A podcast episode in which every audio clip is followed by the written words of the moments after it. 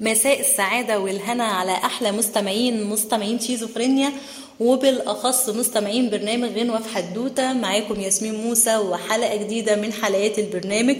ما تنسوش بيتم إذاعة البرنامج على شيزوفرينيا كل يوم أربع الساعة 8 ويلا بينا نبتدي حلقتنا النهاردة. وإحنا معانا النهاردة أغنية هي مرتبطة معانا بمناسبة جميلة جدا مناسبة كلنا بنحبها. عشان ما اطولش عليكم هي أغنية يا ست الحبايب.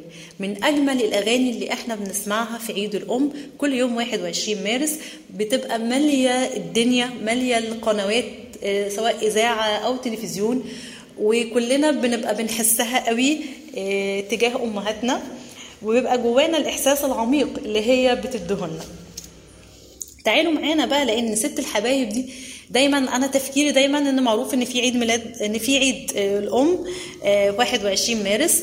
فبالتالي الشاعر فكر في إن هو يعمل أغنية في اليوم ده. لكن للأسف الحدوتة مختلفة تماما. ست الحبايب هي جت بالصدفة البحتة جدا. يعني تعالوا نشوف إيه هي الصدفة البحتة ديت. شاعرنا شاعر الجميل حسين السيد. في 20 مارس وتحديدا في سنة 1958 كان رايح يزور والدته وهو طالع على السلم افتكر إن عيد الأم بكرة طب إزاي هو ما جابش هدية؟ طب هيطلع إزاي لأمه؟ وخاصة إن هي في الوقت ده كانت يعني تعبانة وهو كان مرتبط بيها جدا وكان بيحبها جدا وكان بيدللها وده ربما لأن هو كان ولد على بنتين فكان هي برضو كانت بتدلعه وبتدلله وهو صغير فهو كان بيرد لها ده. الحب شديد جدا وكان بيدللها وزي ما قلت إن هو دايما كان بيقول لها يا ست الحبايب. طب هيعمل إيه بقى في في المأزق ده؟ يعني هي طب هينزل مثلا عشان يدور على هدايا يشتريها دلوقتي؟ طب هو في مكان ما فيهوش حاجة يشتري؟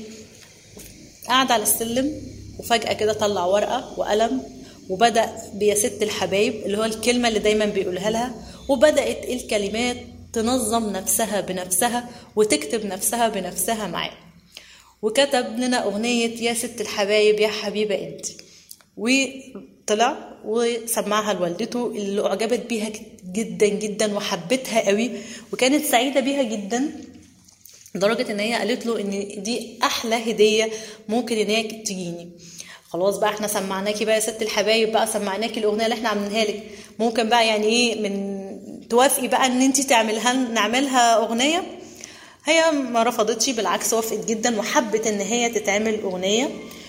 وطبعا هو ما كدبش يعني ساعة ما خد الموافقة زي ما بقول ما كدبش خبر اتصل بموسيقارنا موسيقار الأجيال محمد عبد الوهاب وقال له الكلمات واللي عجبته جدا جدا جدا وطلب منه إن هو يجيله حالا علشان يعمل تدريب عليها.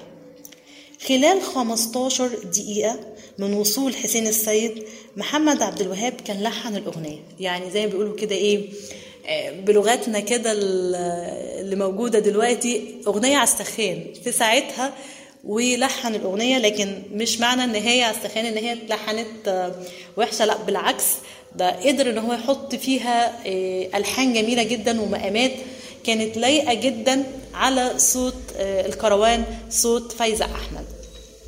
وبعد ما خلص طلب من فايزة أحمد إن هي تيجي برضه بيته وهي يعني قال لها في حاجة كويسة جدا وتعالي حالا. هي ما كدبتش برضه خبر وراحت وفضلوا قاعدين مع بعض لحد الفجر بيتدربوا وبيحفظها الأغنية وبيقول لها المقامات بتاعتها والحاجات دي طبعا. وفضلوا يتدربوا عليها. ده زي ما قلت لحد الصبح 21 مارس. في 21 مارس اللي هو يعني الأغنية اتكتبت يوم 20 ووصلت لعبد الوهاب في نفس اليوم يوم 20 يوم 21 مارس الساعة 10 صباحا.